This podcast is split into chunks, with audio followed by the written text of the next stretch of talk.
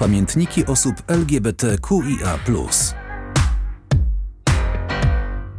Dobry wieczór Państwu. Ostatnia audycja, ostatni pamiętnik. Trzeba będzie się rozstać, no, ale mamy przed sobą jeszcze kilkadziesiąt minut wspólnych. Cieszmy się tym, co mamy.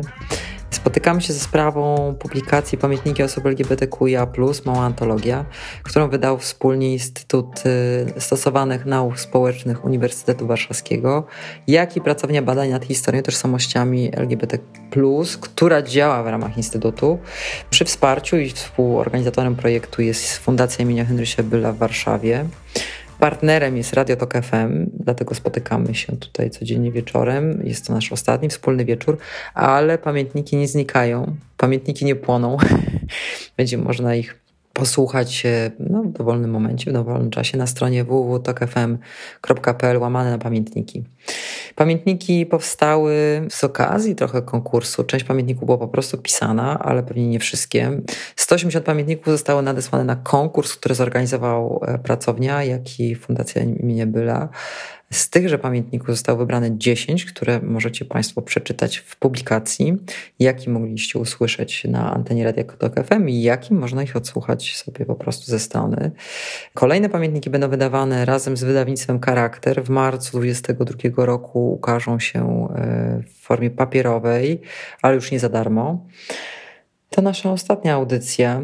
Aktorom należą się podziękowania wielkie. Klara Bielawka, Zofia Domalik, Ewa Telega, Piotr Polak, Marcin Bosak i Krzysztof Ogłoza w sekundę wskoczyli w ten projekt. Jeden SMS wystarczył, że podjęli się tej pracy tutaj z nami dla Państwa, czytając pamiętniki. Nie ukrywam, że to wielka radość i przyjemność wiedzieć, że ma się tyle sojuszników i sojuszniczek, i myślę, że takie działania zmieniają naszą rzeczywistość w koło. Pamiętniki powstawały w okresie bardzo gorącym, bardzo trudnym, e, kiedy język nienawiści i niechęć i homofobia w Polsce no, nabierała tempa coraz większego. Czy z jednej strony kampania prezydencka Andrzeja Dudy, z drugiej strony 7 sierpnia i aresztowania pokojowej demonstracji na krakowskim przedmieściu. 42 osoby w areszcie, spędziło noc. Byli też tam nasi hetero przyjaciele i przyjaciółki, osoby sojusznicze. Trochę się zadziało. Mam nadzieję, że te okrutne doświadczenie, lepiej żeby go nie było, ale może posłużyć właśnie takim działaniom jak nasze wieczorne spotkania dwóch tygodni i posłuży też y, osobom, właśnie, które nie są z mniejszości, żeby zobaczyły, przejrzały na oczy. I wiem, że tak się też stało. Wiem, że masa z Państwa, którzy nas słuchacie, nie zgadzacie się z, tym, z tą narracją. Ona jest po prostu okrutna. Mm. I, po prostu jesteśmy razem, idziemy ramię w ramię, ale też na co dzień nie jesteśmy tymi dziwnymi znajomymi, o których e, o którym się przypomina, jak trudna jest nasza sytuacja tym lepiej. To taki właśnie może taki mały apel, jak się Państwo zastanawiacie, jak wspierać. Wystarczy zadać pytanie, jak tam w pracy, jak tam Twoje dziecko, jak Twoja partnerka, partner, a niekoniecznie pytać, jak ci ciężko, jak ci źle, jak ta Polska jest beznadziejna.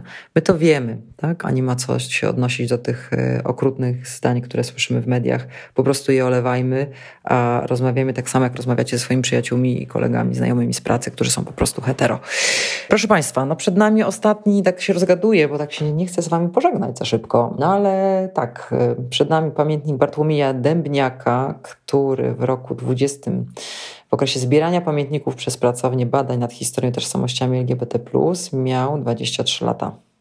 Wychował się i mieszka w Gdańsku, a jego pamiętnik przeczyta dla nas Krzysztof Ogłoza. I to będzie ostatni pamiętnik. Zostańcie Państwo z nami. Mój drogi pamiętniczku, tak chyba powinienem zacząć, lecz to nie jest słodkie, cukierkowe opowiadanie o 23-letnim chłopcu z Gdańska. To jest prawdziwa historia o dorastaniu, odkrywaniu siebie, akceptacji, problemach, jak i o kolorach życia. Ale zacznijmy od początku. Marzec 1997. Stało się. Płacz, krzyk i oto jestem. Mały czerwony człowiek o imieniu Bartek. Rozwijam się dobrze, bo duży ze mnie chłop. Jedyne moje zajęcie to jedzenie, spanie no i oczywiście płacz. Już nigdy więcej moje życie nie było tak beztroskie. Rozwijam się dobrze, choć późno zaczynam mówić, czego konsekwencje wyjdą później. Gęba to mi się nie zamyka. Urodziny 2002. Moje piąte urodziny. Nie pamiętam za wiele, prócz przyjazdu mojej babci i prezentu od niej. Dostałem moją pierwszą, a zarazem ostatnią spódnicę. Odkąd pamiętam, uwielbiam kobiety w pięknych, długich, kolorowych, wzorzystych sukniach. Nawet miałem swoje lalki Barbie, które zawsze miały najpiękniejsze suknie. Kolorowanki też zawsze dostawałem w księżniczki, bo tylko takie kolorowałem. Już za czasów bycia małym dzieckiem, zawsze gdy przyjeżdżałem do babci, ubierałem jej spódnice. Uwielbiałem się w nich kręcić, patrzeć jak falują. Mogłem tak godzinami. Teraz, gdy chce się mieć dzieci z głowy, daje się im telefon lub włącza bajki. Mi wystarczyło dać spódnicę. Tydzień po urodzinach zniknęła. Do dnia dzisiejszego nie wiem, co się z nią stało. Lato 2003. Wyjazd taty. Było ciężko, lecz zrobił to dla nas, dla naszego dobrobytu. Do tej pory pamiętam łzy, żegnanie w drzwiach, oczekiwanie na telefon. To jest moment, kiedy moja mama staje się bohaterką. Sama zaczyna wychowywać dwójkę dzieci, mam brata trzy lata starszego, do tego pracuje i zaczyna budowę domu. Nikt mi w tym momencie nie powie, że kobiety to słaba płeć. Szkoła podstawowa. Jedyne co pamiętam z tego okresu, to wianuszek dziewczyn dookoła mnie oraz dziesiątki uwag w dzienniczku ucznia. Tak, byłem Lovelasem. Z każdą dziewczyną z mojej klasy chodziłem, plus się całowałem. Taki ze mnie dążułan. A uwagi to była kwestia tego, że moja wychowawczyni mnie nie lubiła. 95% uwag była zagadanie. Ale czy to moja wina, że jestem ciekawski i towarzyski? Nie. Byłem zawsze dobrym uczniem. Nauka nigdy nie sprawiała mi problemu. Inaczej było z WF-em. Nigdy nie lubiłem ćwiczyć na tych zajęciach. Ale na to jest prosta odpowiedź. Nie lubię piłki nożnej, a u mnie w klasie tylko w to się grało. Nie oznacza to jednak, że nie uprawiałem sportu. Chodziłem na basen oraz trenowałem taniec towarzyski. To tam po raz pierwszy miałem styczność z innością, wolnością, kolorem, jak i otwartością. Piękni ludzie, kolorowe stroje, ruchy sensualne oraz bliskość dwojga ludzi. Coś pięknego, innego, dającego do myślenia. To też jest okres, gdzie zaczynam buszować po internecie, szukając pierwszych informacji na temat seksu, ale jeszcze hetero. Było to coś dla mnie ciekawego, podniecającego, ale wydaje mi się, że głównie chodziło o tę adrenalinę, która towarzyszy podczas robienia czegoś nielegalnego. Szósta klasa podstawówki jest okresem, gdzie zgłębiam wiedzę na temat erotyki. Niestety cała wiedza, którą wtedy czerpałem, pochodziła z internetu. Nie miałem w szkole edukacji seksualnej, a moi rodzice nie rozmawiali na te tematy. Dopiero kilka lat później chcieli mi wytłumaczyć, skąd się biorą dzieci. Wtedy też po raz pierwszy mam styczność z takim pojęciem jak orientacja seksualna. Nagle okazuje się, że ludzie nie żyją tylko i wyłącznie w związkach heteroseksualnych. To jest moment, gdy zaczynam myśleć, 12 lat. Tyle mam, gdy pojawiają mi się pierwsze myśli związane z mężczyznami. Ale zaczynając od początku. Podczas gdy oglądałem porno, oczywiście heteroseksualne, bardziej moją uwagę przykuwał facet, jego tors, nogi, penis. Uważałem, że to nic złego do momentu, aż pewnego razu chłopcy z mojej klasy zaczęli rozmawiać o porno, o tym, co oglądają i tak dalej. Ja siedziałem cicho i się przysłuchiwałem. Wtedy okazało się, że każdy z nich zwraca uwagę na kobietę, jej piersi, pochwę. Mnie to nigdy nie interesowało. To był dla mnie pierwszy sygnał, jak i znak, że coś jest nie tak. I tak całą szóstą klasę zgłębiałem temat seksualności, orientacji i zastanawiałem się sam nad sobą. Z nikim o tym nie rozmawiałem. To jest moment, w którym kończy się moje w miarę spokojne życie – Kolory odchodzą i nadchodzi ciemność. Gimnazjum. Nowa klasa, nowe osoby, nowi nauczyciele. Pierwszy semestr upływa mi w miarę spokojnie. Poznaję nowe osoby, zawężają się grupki. To jest też moment, w którym po raz pierwszy słyszę wyzwiska na swój temat. Pedał, ciota, cwel, cieplak, homoś. Boli, boli i to bardzo. Na tamten moment nie zdaję sobie sprawy, dlaczego tak się dzieje. Dopiero teraz zaczynam zastanawiać się nad tym, czy może jednak nie jestem hetero. Ponieważ podczas oglądania porno, fantazjowania, jednak więcej uwagi poświęcam facetowi niż jego partnerce. Natomiast mam cały czas w głowie wartości wpojone przez rodziców. Marzę o żonie, dwójce dzieci, pięknym domu i dobrej pracy. Mam już nawet wstępny zarys mojego wesela. Nadal z nikim o tym nie rozmawiam, trzymam to w sobie. Druga klasa równa się czerń, ból, krew, samotność.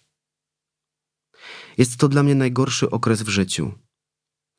Nawet w tym momencie, gdy o tym piszę, czuję, jak narasta we mnie stres, jak czuję się nieswojo. Nie przepracowałem jeszcze tego do końca. Plus, mało osób wie o tym, co się wtedy działo. Może gdy o tym napiszę, pomoże mi to. Tego nie wiem, ale będę szczery.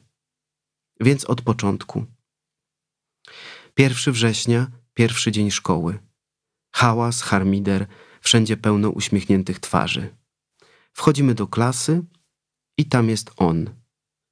Siedzi w ostatniej ławce. Ma na sobie czarną skórę, białą koszulę bez kołnierzyka i okulary przeciwsłoneczne. Nie widać jego oczu, ale każdy wie, że lustruje każdego po kolei, gdy wchodzimy do sali. Nie odzywa się ani słowem.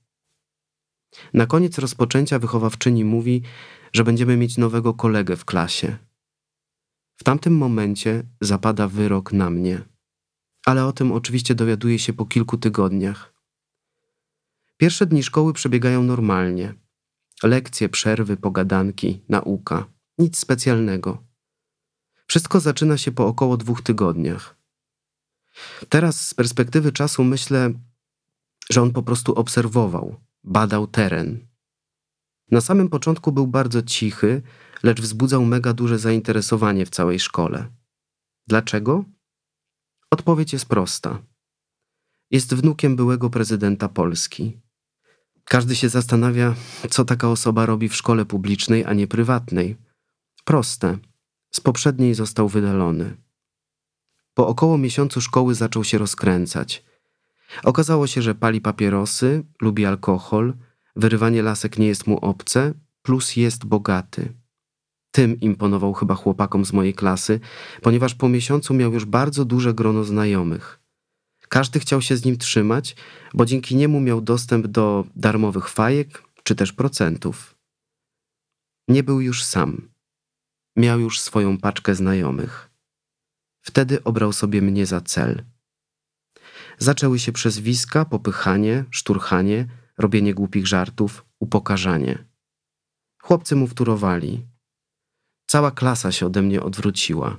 Wszyscy znajomi, ponieważ każdy, kto stanął po mojej stronie, stawał się jego ofiarą.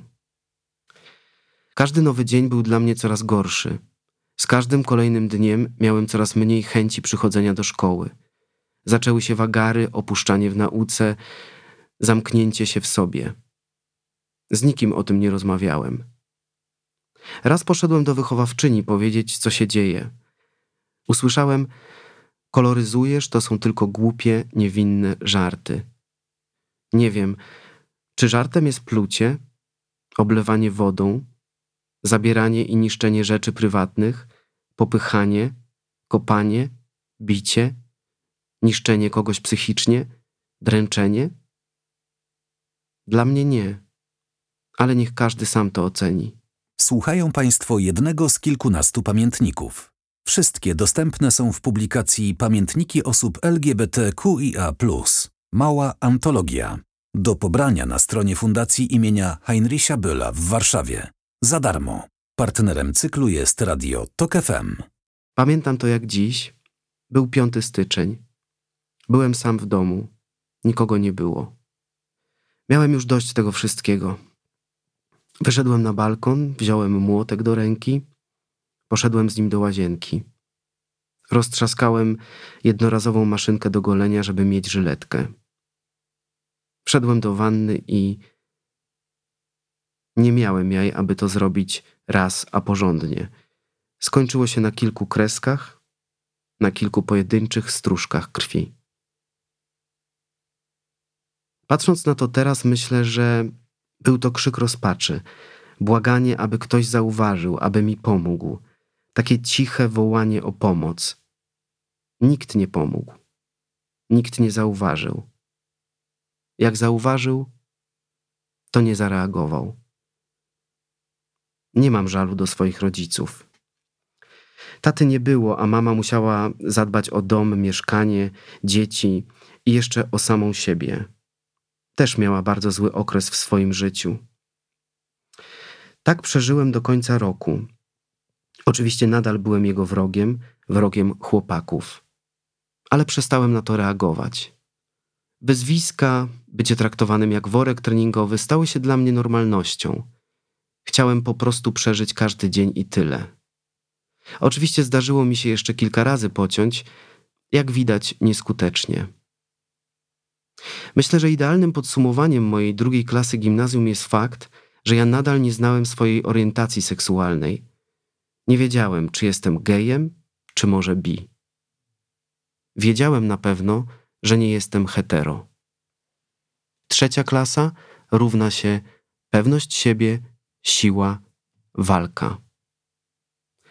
Wracając do szkoły po wakacjach byłem pewniejszy siebie.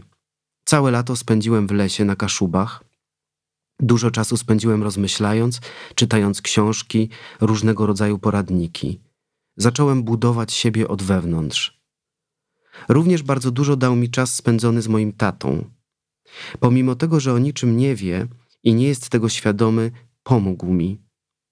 On jest oazą spokoju, nigdy z nikim się nie kłóci i jest bardzo mądry życiowo. Wieczory spędzone z nim przy kominku, czy poranki z wędką w ręku dużo mi dały.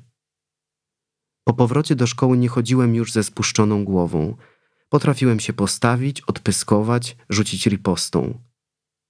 Moi dawni znajomi, z którymi trzymałem się zanim mnie zostawili, próbowali mnie przeprosić. Już w czasie wakacji pisali, dzwonili. Do tej pory nie wiem, co się takiego stało, że nagle odsunęli się od niego. Ale do zakończenia roku szkolnego. Dostałem SMS-a. Dokładniej seks SMS-a. Okazało się, że mój ukochany kolega wstawił w moim imieniu seks ogłoszenie na portalu gejowskim. Podał mój numer, wstawił zdjęcie. Wiadomości nie było końca. Owszem, podłamało mnie to, ale nie ugiąłem się. Tę siłę dała mi tylko i wyłącznie świadomość tego, że za kilka dni koniec roku i już nigdy go nie spotkam. Tak też się stało. Koniec roku, świadectwo w ręku i wolność. To był też moment, kiedy uświadomiłem sobie, że jestem gejem. Nie chciałem patrzeć już na kobiety w porno. Chciałem widzieć tylko i wyłącznie piękne, męskie ciała z dużymi, grubymi, prostymi, jędrnymi penisami. Liceum. To jest bardzo ciekawy okres w moim życiu. Z jednej strony bardzo ekscytujący z powodu pierwszej miłości, poznawania swojej seksualności, spotkania fantastycznych osób na swojej drodze, zaś z drugiej strony bardzo ciężki i trudny. Ale to jest głównie związane z moją wewnętrzną metamorfozą. Z osoby niepewnej, niewyautowanej, nieśmiałej, przekształciłem się w bardzo pewnego siebie, odważnego, śmiałego geja, który kroczy przed siebie z uśmiechem i podniesioną głową. Teraz nasuwa mi się pewne powiedzenie, które sobie powtarzam. Padłeś, powstań, popraw koronę i zapierdalaj. Teraz tak wygląda moje życie. Ale do tego było długo. Kręta droga. Przychodząc do liceum nie znałem nikogo w swojej klasie. Wszyscy byli dla mnie nowi. Nikt nie znał mnie, mojej historii. Dzięki temu mogłem zacząć na nowo, z czystą kartą. Od samego początku zakumplowałem się z jedną dziewczyną i chłopakiem. Już po miesiącu tworzyliśmy ośmioosobową paczkę. Przez całe liceum tak się trzymaliśmy. To były też pierwsze osoby, którym powiedziałem o sobie. Ja poczułem ogromną ulgę, bo w końcu mogłem z kimś o tym porozmawiać. Oni byli szczęśliwi, że im o tym powiedziałem. Oczywiście wiedzieli o tym. Ja im tylko to potwierdziłem. Zresztą do tej pory jedna dobra znajoma mi powtarza, że choćbym ubrał najbardziej męski strój na świecie, mundur czy ortalion, to i tak będę wyglądał jak gej. Cały czas się zastanawiam, o co jej chodzi. Do mojego liceum przyszło razem ze mną kilka osób z mojego gimnazjum, w tym również z mojej byłej klasy. Te kilka osób, które były współodpowiedzialne za spierdolenie mi życia za czasów gimnazjum, również i tutaj, w nowej szkole próbowały to zrobić. Jednak nie za bardzo im to wyszło. Po pierwsze, to ja byłem już o wiele dojrzalszy, pewny siebie oraz uczyłem się tego powoli, aby opinie ludzi, którzy się dla mnie nie liczą, mieć po prostu gdzieś. Po drugie, na ludziach w liceum nie robi już wrażenia to, jak ktoś na korytarzu krzyknie pedał czy tam ciota. Raczej nikt nie zwraca na to uwagi. Po trzecie, miałem swoich nowych znajomych. Młode, otwarte, tolerancyjne osoby, które jak tylko słyszały, że ktoś zaczyna mi dokuczać, od razu stawały w mojej obronie. W taki oto sposób pod koniec pierwszej klasy liceum miałem nareszcie święty spokój.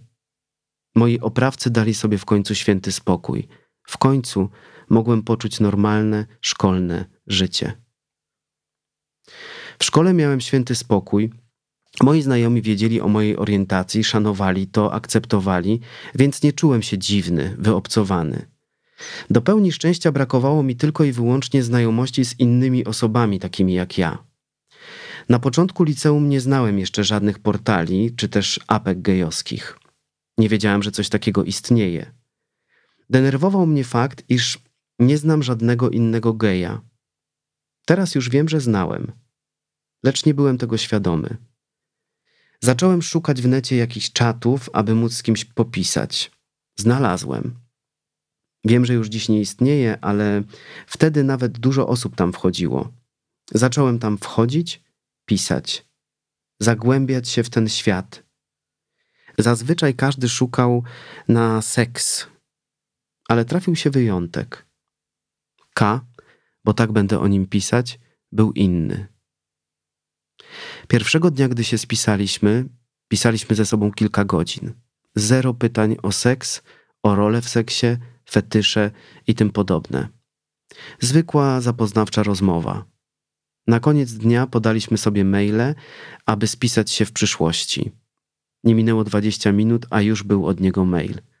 Po tygodniu intensywnego pisania i motylach w brzuchu spotkaliśmy się. Podjechał po mnie i pojechaliśmy na spacer. K był bardzo przystojnym facetem. Brunet, lekki zarost, delikatnie ciemniejsza karnacja, mniej więcej mojego wzrostu, szczupły, do tego starszy. Jednym słowem, bardzo atrakcyjny mężczyzna. Od pierwszego spaceru spotykaliśmy się prawie rok. Było cudownie.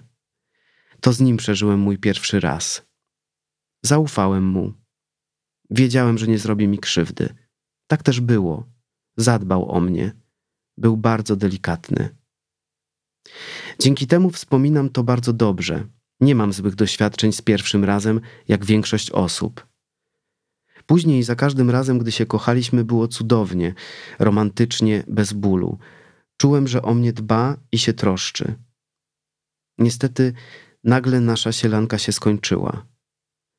Pewnego ranka odwiózł mnie do liceum, a sam pojechał do pracy. Wchodzę do szkoły, pamiętam jak dziś mojego ostatniego SMS-a do niego o treści spaghetti na obiad. Do dnia dzisiejszego czekam na odpowiedź. Na początku myślałem, że ma za dużo pracy, dlatego się nie odzywa. Ale przyszedł wieczór i nadal cisza. Zadzwoniłem, włączyła się poczta głosowa.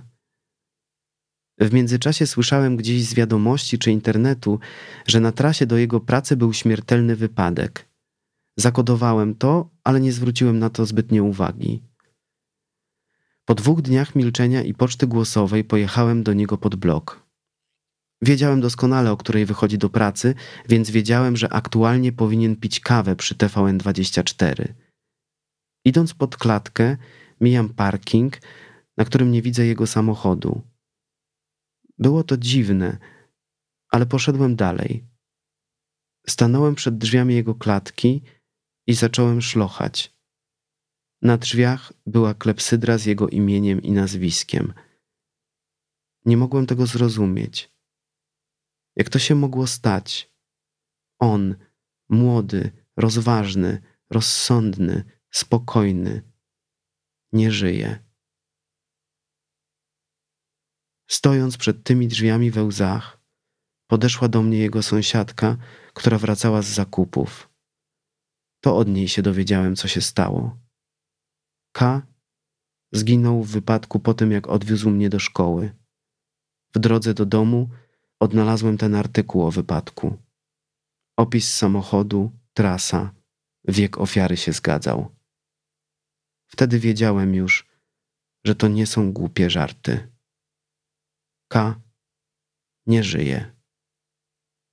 W taki sposób zostałem sam, bez niego. Do dnia dzisiejszego za nim tęsknię i czekam na odpowiedź, czy spaghetti zjemy dziś na obiad.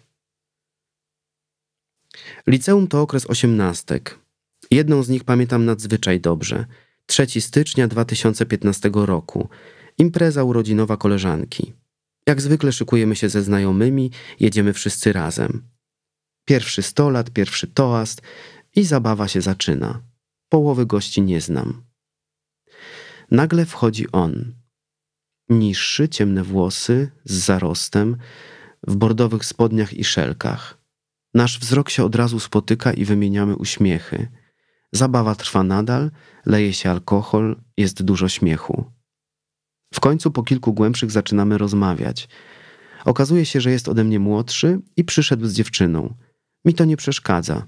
Rozmawiamy dalej. Wymieniamy się kontaktami i idziemy dalej się bawić. Następnego dnia dziękuję mu za imprezę, rozmowę i w taki sposób nawiązuje się rozmowa. 21.02.2015 oficjalnie stajemy się parą. Zerwał dla mnie z dziewczyną. Otworzył się na nowe doznania. Związek trwał ponad półtora roku. Były wzloty i upadki, ale to chyba jak w każdym związku. Teraz z perspektywy czasu potrafię powiedzieć, że dużo ja zawaliłem w tym związku i nie doceniłem tego, jakim był człowiekiem. Ale jak to się mówi, człowiek uczy się na błędach. Wiem, że aktualnie jest w szczęśliwym związku i realizuje się zawodowo. To jest dla mnie najważniejsze. W tym momencie muszę wspomnieć jeszcze jedną, bardzo ważną, przełomową datę w swoim życiu 14.02.2015 roku. Jest wieczór, wróciłem do domu po walentynkowej randce. Mama siedzi w salonie i ogląda TV. Zrobiłem nam herbatę i się do niej dołączyłem. Oglądaliśmy jakiś program, w którym był motyw gejowski. Nagle moja mama się na mnie spojrzała i zapytała, czy ja też jestem taki jak oni, chłopcy z tamtego programu. Byłem tak zaskoczony, że bez zastanawiania się odpowiedziałem tak. W tym momencie zrobiłem coming out. Mama już nic więcej nie powiedziała. Rozpłakała się i zamknęła w sypialni. Herbatę dokończyłem w samotności. Nie wiem, czy byłem na to gotowy, ale zapytała, więc odpowiedziałem. Teraz patrząc na to, uważam, że dobrze się stało.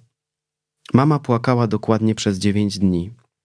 Tyle czasu się też do mnie nie odzywała i mnie unikała. To było dla mnie coś najgorszego. Nie wiedziałem, co mam myśleć, czego mam się spodziewać, ale nic więcej mi nie pozostało jak czekać. Po tych dziewięciu dniach mama zaczęła zadawać mi pytania. Tak, małymi krokami zaczęliśmy rozmawiać. Mama miała typowe obawy, to znaczy, czy będę potrafił sobie w życiu poradzić, czy społeczeństwo mnie zaakceptuje, czy rodzina nie będzie mieć z tym problemu i tak dalej. Oczywiście musiałem trochę mamę wyedukować, musiałem jej wytłumaczyć, co to jest homoseksualizm, że nie jest to choroba, że nie będę się przebierać za kobietę i nie myślę o tranzycji. Tak, krok po kroku, mama oswajała się z myślą, że ma homoseksualnego syna. Teraz jest cudownie. Moja mama poznała każdego mojego faceta, zaprasza ich na obiady, drinka czy święta. Z moim ostatnim facetem nawet byliśmy wspólnie z rodzicami na wakacjach za granicą, ale do tego dojdę za chwilę. Wszystko po kolei. Jeszcze tylko dodam kwestię taty. Tata dowiedział się od mamy, bo aktualnie był za granicą. Gdy wrócił do Polski, to zapytał się mnie tylko, czy jestem pewny tego, że wolę chłopców. Odpowiedziałem mu jednym prostym zdaniem. A czy ty zawsze byłeś pewny, że wolisz kobiety? Na tym zdaniu nasza rozmowa się zakończyła. Oczywiście mój tata mnie wspiera i akceptuje. Słuchają Państwo jednego z kilkunastu pamiętników. Wszystkie dostępne są w publikacji Pamiętniki osób LGBTQIA. Mała antologia. Do pobrania na stronie Fundacji imienia Heinricha Bölla w Warszawie. Za darmo. Partnerem cyklu jest Radio TOK FM. Do 2018 roku byłem w sumie w trzech związkach. Oczywiście żadnego z nich nie żałuję. Każdy z nich wniósł coś innego w moje życie. Przez ten czas mocno kształtowała się moja osoba, mój charakter. Poznawałem się na nowo, odkrywałem rzeczy, o których nie miałem pojęcia. W tym czasie nauczyłem się być bardziej szczerym, asertywnym, pewnym siebie i twardo stąpającym po ziemi. W tym czasie również mocno zmieniła się moja seksualność. Na początku byłem bardzo zamknięty na świat dotyku, zabawy, rozkoszy. Z czasem zacząłem się przełamywać, otwierać i co najważniejsze, pozbywać kompleksów. Dzięki temu mogłem zacząć odkrywać świat seksu na nowo. Oczywiście do dnia dzisiejszego mam kompleksy, z którymi nie potrafię sobie poradzić. W międzyczasie ukończyłem liceum jako najlepszy chłopak z klasy i poszedłem na studia. Studia to jest inny stan umysłu. Tam nikt nie żyje życiem innych ludzi. Jest bardzo duża otwartość i tolerancja. Przynajmniej ja trafiłem na taki kierunek i na taką grupę. Już na pierwszych zajęciach wyszło, że jestem gejem. Nie pamiętam w jaki sposób to się stało, ale miałem już ten problem z głowy. Oczywiście na nikim nie zrobiło to wrażenia i nie był to żaden problem. Był to też okres, w którym wydarzyło się kilka nieprzyjemnych sytuacji w moim życiu. Pierwsza jest dla mnie najbardziej traumatyczna, której konsekwencje ciągną się aż do dziś. Poznałem pewnego chłopaka, który mega mi się spodobał. Randkowaliśmy ze sobą pewien czas, aż do jego urodzin. Zrobił domówkę, zaprosił znajomych. Impreza była super, goście dopisali, jedzonko smakowało, alkoholu wystarczyło. Po imprezie położyliśmy się spać. Wtedy on stwierdził, że skoro ma urodziny, to powinienem mu się oddać. Oczywiście nie miałem takiego zamiaru, więc stwierdził, że skoro ma urodziny, to weźmie to, na co ma ochotę. Był ode mnie silniejszy, a alkohol dodatkowo zrobił swoje. W ostatnim momencie jego totalnie nieświadoma przyjaciółka mnie uratowała. Weszła do naszego pokoju, on ze mnie zeskoczył i mnie zostawił. Od tamtej pory mam mega duży problem z dotykiem. Muszę najpierw komuś zaufać oraz oswoić się z jego ciepłem. Tak jak pisałem, jestem dumny z tego, że jestem gejem. Uważam, że to jest mój ogromny atut. Nie boję się iść z podniesioną głową, z tęczową flagą wśród ludzi. Bo dlaczego mam się bać? Dlatego, że jestem inny? Ja tak nie uważam. Jestem takim samym chłopakiem jak większość moich rówieśników. Właśnie dlatego, jeśli mój partner ma ochotę iść przez miasto, centrum handlowe za rękę, z przyjemnością chwycę go za dłoń. Niestety nie każdemu to się podoba. Kiedyś właśnie z tego powodu zostaliśmy poszarpani i opluci przez jednego mężczyznę. Nic wtedy nie zrobiliśmy, bo się baliśmy. Ten facet był mega agresywny i powaliłby nas jednym uderzeniem. Poszliśmy po prostu przed siebie, trzymając się nadal za rękę. Nie wiedzieliśmy, że możemy to zgłosić na policję, dlatego tego nie zrobiliśmy. Była to sprawa, którą opisała replika na swoim Facebooku. Właśnie przez ten post wyautowałem się publicznie całej rodzinie, jak i wszystkim znajomym. Do tej pory wiedziały nieliczne osoby o mojej orientacji. Oczywiście tego nie ukrywałem, ale też nie miałem potrzeby mówienia każdemu o tym, że jestem gejem. Jak ktoś się zapytał, to potwierdzałem i tyle. Gdy replika opisała całe zdarzenie, skomentowałem je. Nie pomyślałem o tym, że moja aktywność pojawi się u mnie na wallu i każdy z moich znajomych na Facebooku zobaczy, co napisałem. Zadzwoniła do mnie moja najlepsza kuzynka z zapytaniem, co jest na Facebooku, bo jej siostra, która o mnie nie wiedziała, dopytuje się właśnie, czy jestem gejem. Było lekkie przerażenie, szok, ale musiałem jakoś zareagować. Oczywiście nie miałem zamiaru usuwać tego, co napisałem. Wystosowałem ogólną wiadomość, gdzie potwierdziłem swoją orientację, związek, jak i fakt, że opisana historia przez replikę jest prawdziwa. Poszło. Opublikowałem to na swoim Facebooku i poszedłem spać.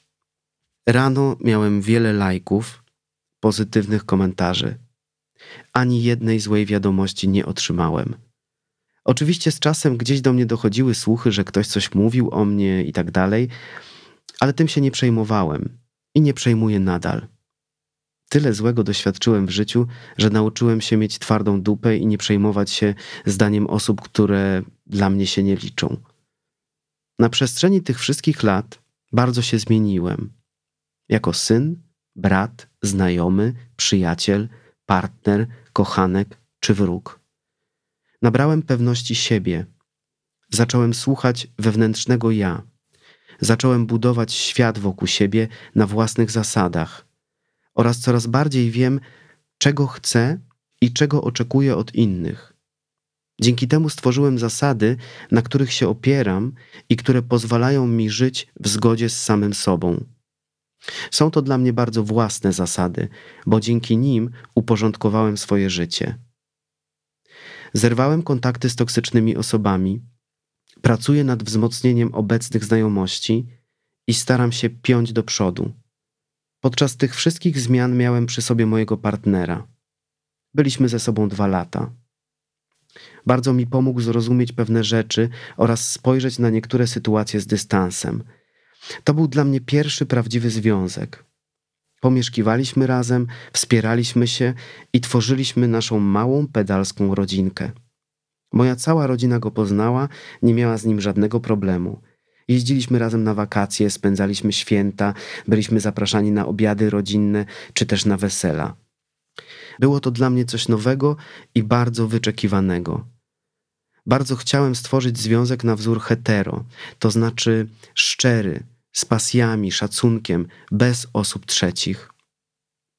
Ale nigdy w życiu nie jest kolorowo. W moim nastał mrok. Alkohol, przemoc, zazdrość, łamanie zasad, niszczenie kogoś od wewnątrz. Nie było łatwo. Nie jestem osobą, która szybko się poddaje. Lubię wyzwania i zawsze szukam rozwiązania, jak można coś naprawić. Walczyłem o to bardzo długo, ale walka zawsze musi wyjść z dwóch stron. Nie można samemu zbudować drogi łączącej dwoje różnych ludzi. Trzeba ją budować razem. U mojego partnera budowlańcy się spóźnili. Dojechali, gdy moi skończyli. Teraz przyszła jesień, piękny czas, świat staje się pełen kolorów. Jestem singlem, mam nową pracę i patrzę z uśmiechem w przód. Koronawirus mi nie stanie na drodze do szczęścia. Jedyne co może, to mały, smutny pan w rządzie, ale myślę, że i z tym sobie poradzimy. Czytał Krzysztof Ogłoza.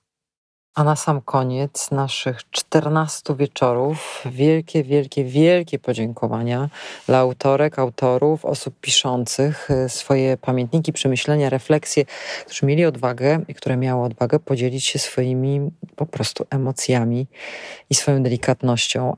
A osobą, którym chciałabym specjalnie podziękować, to osoba niebinarna z Białego Stoku, y, rocznik 99, autor pamiętnika pod tytułem Angelizm. Dziękuję bardzo. Dziękujemy Marcinowi. Dziękujemy Domie za tekst, pamiętnik pod tytułem Drogi Lesbijskiej Pamiętniczku. Dziękujemy Lucjuszowi T. Olszewskiemu o chłopcu, który nie istnieje. Adzie Łaniewicz za pamiętnik z powiatowego miasteczka, jak i osobie z małego miasteczka, Maksymowi Piekartowi za tekst Gdyby mama wiedziała, Magdzie, rocznik 74, Kordianowi, pewnej Szczeciniance, aromantycznej, aseksualnej oraz Andrzejowi za jabłka z musztardą. Andrzej jest z roku 2001, wtedy kiedy ja już mam na studiach. Taka ciekawostka. Dziękujemy też Ninie, rocznik 96, Tosi naszej kochanej, która się odzywa do nas. Tosia, serdecznie Ci dziękujemy, pozdrawiamy. Tosia Ktośka, tekst pamiętnika się tak nazywał. Pamiętnik był też czytany przez Zosię Domalik e, Anny Nadar pod tytułem Na przekór. Anna Nadar, inaczej zwana Bułką. Dziękujemy Kindze Kosińskiej za pozdrowienia z mojej samotności oraz chciałam podziękować e, Bartłomiejowi Demniakowi za dzisiejszy wieczór, który był ostatnim naszym wieczorem. Czytał dla nas Krzysztof Ogłoza. Wszystkie pamiętniki do przesłuchania cały czas nie znikają. Są na stronie www.tokfm.pl łamane na pamiętniki. Nie trzeba się śpieszyć, święta się zbliżają. Trochę czasu będzie można spędzić z naszymi bohaterami, bohaterkami, osobami, które podzieliły się swoją po prostu intymnością. Dziękujemy.